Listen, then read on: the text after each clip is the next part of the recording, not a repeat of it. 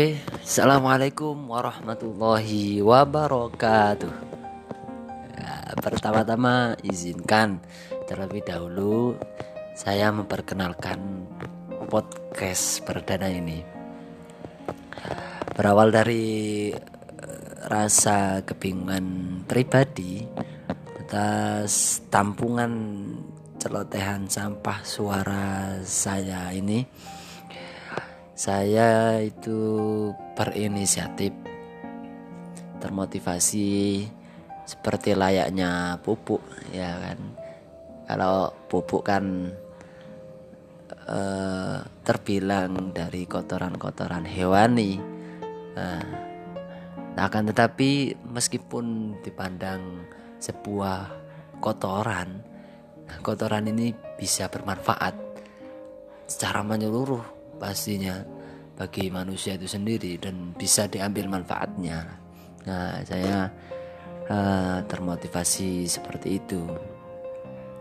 Jadi celotehan sampah ini ya meskipun dianggap terbilang celoteh akan tetapi ya semoga saja bisa bermanfaat bagi eh, orang-orang uh, sekitar saya.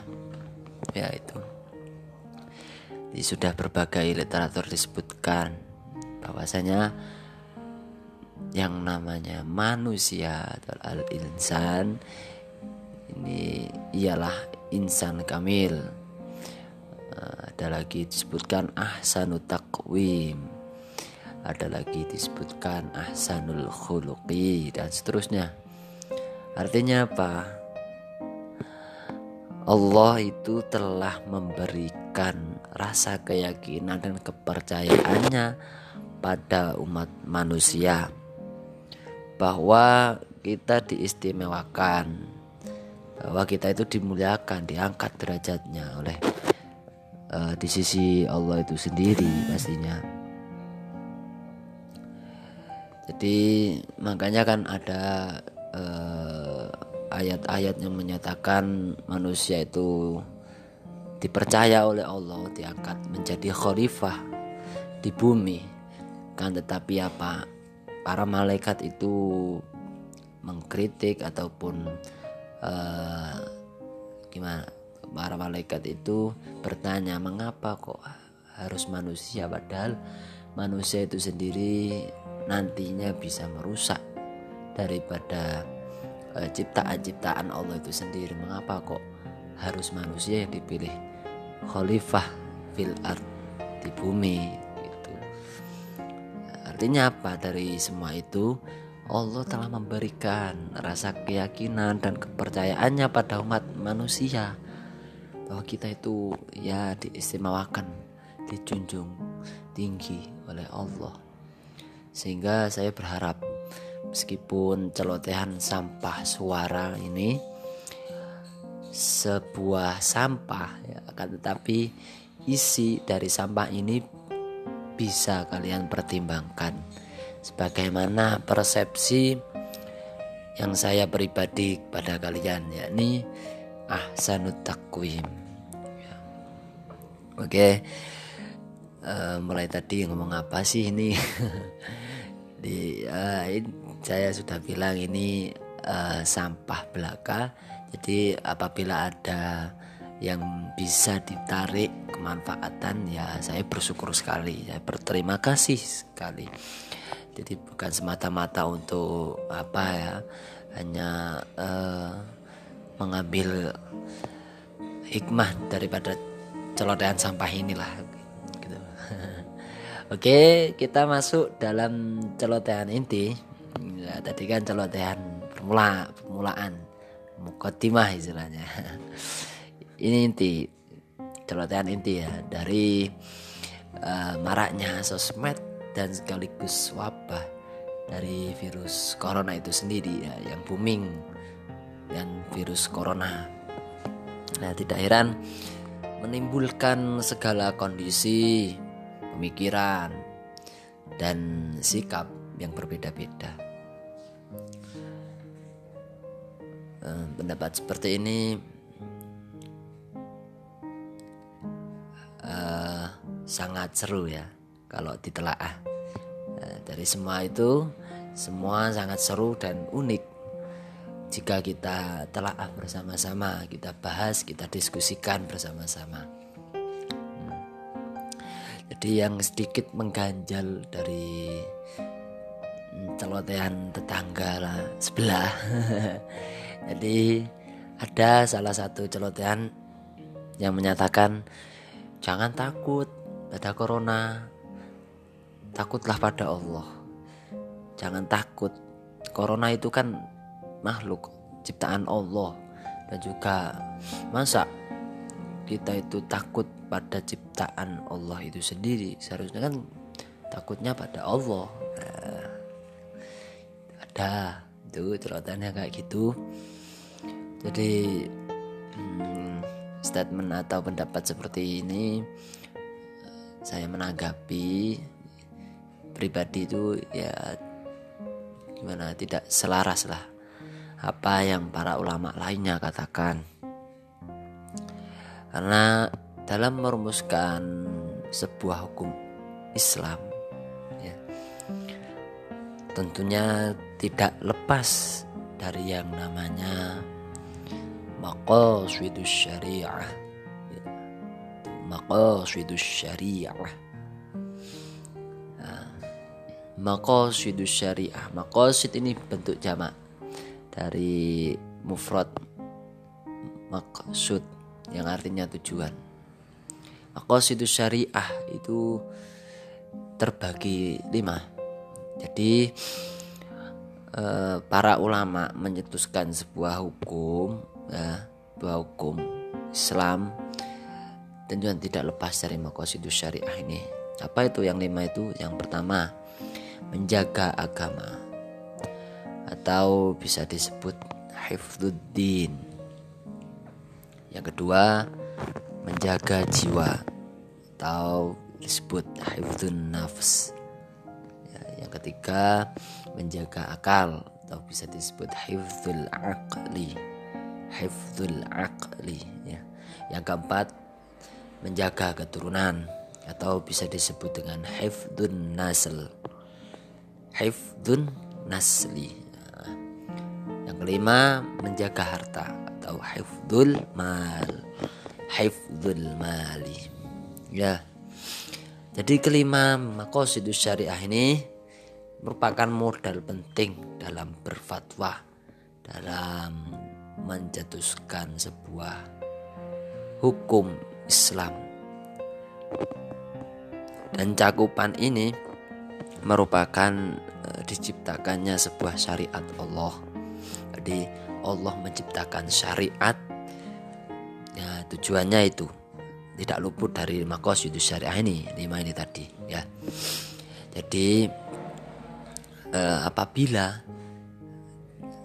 tidak sejalan dengan lima poin itu maka mustahil para ulama itu berani membuat hukum Islam. Saat ini seluruh dunia sedang dilanda kecemasan dengan merebaknya virus corona. Menurut WHO juga menyatakan yakni WHO Organisasi Kesehatan Dunia pada 11 Maret lalu Eh, bahwa penyakit corona ini sebagai penyakit pandemi yang membahayakan keselamatan jiwa.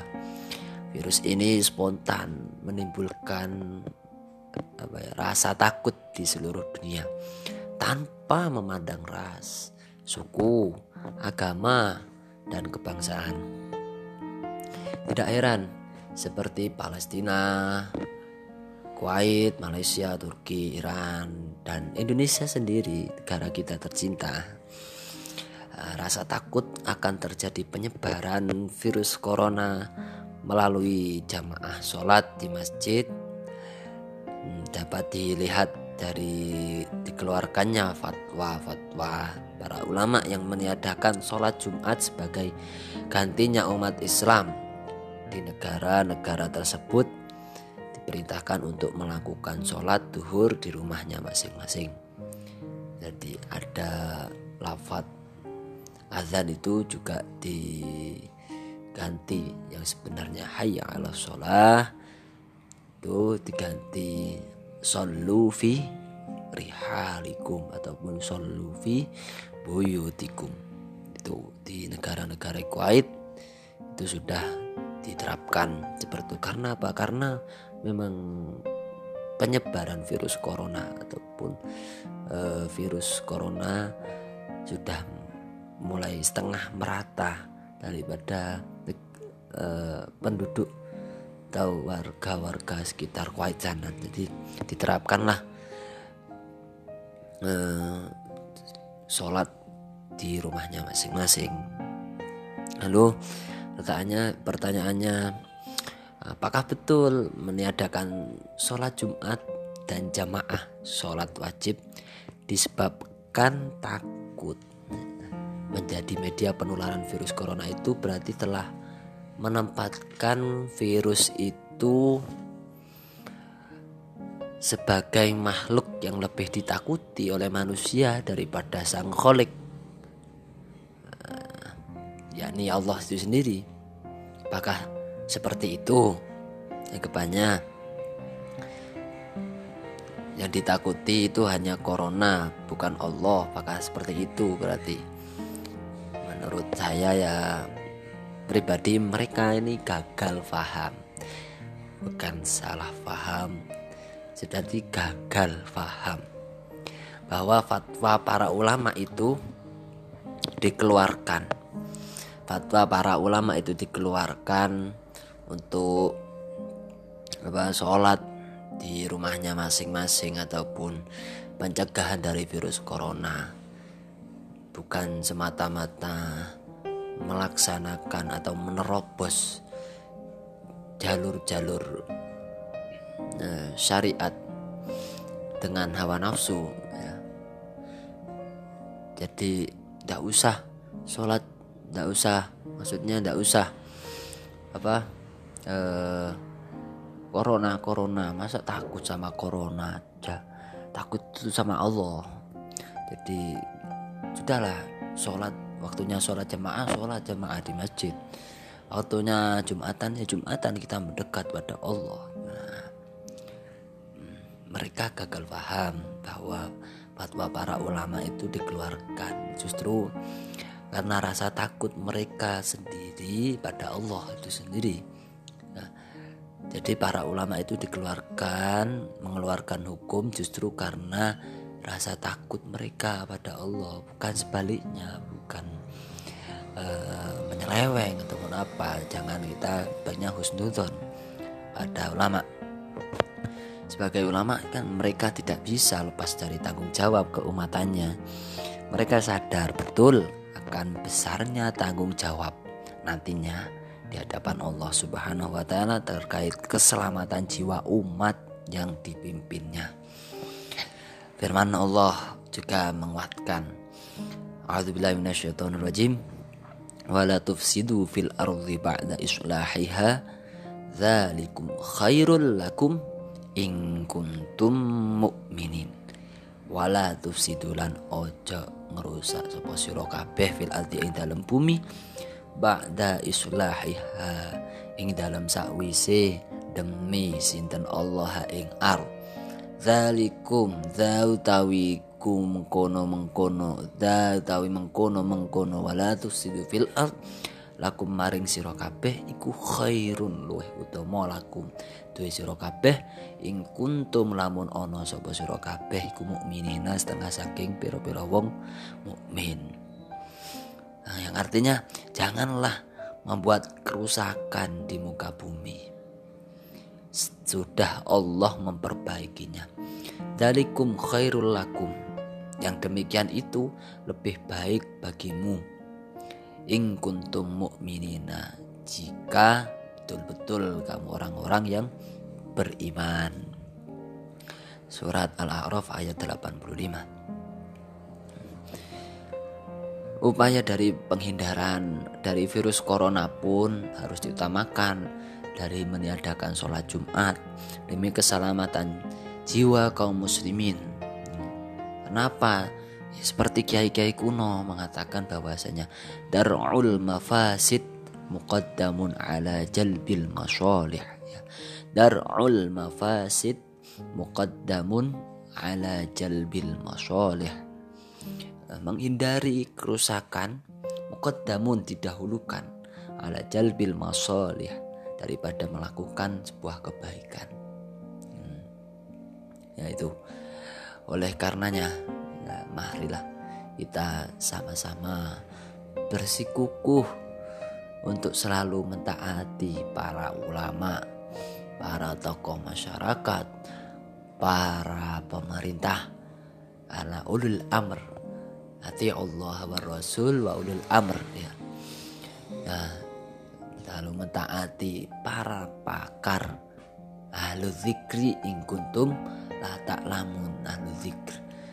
Jadi ahli pakar, pakar kesehatan, pakar semuanya. Jadi kita uh, taati. Jangan kok mentang-mentang kita itu uh, karena apa ya sudah uh, merasa kuat dan juga uh, semuanya itu tidak mengandalkan sebuah ahli pakar semuanya diterobos begitu saja jangan ya. Kali-kali jangan sekali lagi ya. Jadi mentaati para ulama para pemerintah para pakar-pakar lainnya itu diutamakan. Jangan mencoba untuk berijtihad sendiri. Jika kualitas keilmuan kita masih minim. Ya paling enggak lah kita ikuti sarung para para ulama, sarung para para kiai, ya. ikuti uh, jejak ulama, pendapat ulama. Ya. Lalu pendapat ulama, ulama yang mana terus? Ulama kan banyak sekarang, ulama politik, ulama bisnis ulama apalah banyak kan ya kita kalau saya pribadi ya merujuk pada apa yang didaukan oleh Gus Dur itu sendiri. E, kata Gus Dur ulama yang bisa diikut zaman sekarang ini ya kata saya ya menyebutnya kiai kampung lah. Ya mungkin itu sedikit celotehan daripada daripada saya ya. Celotehan muka-muka celotehan ini dapat diambil manfaat ya. Saya berterima kasih dan juga hmm, jangan uh, lupa untuk selalu menjaga kesehatan kekebalan tubuh dan uh, kebugaran jasmani agar supaya kita nantinya bisa bertemu dengan bulan suci Ramadan. Amin ya rabbal alamin. Assalamualaikum warahmatullahi wabarakatuh.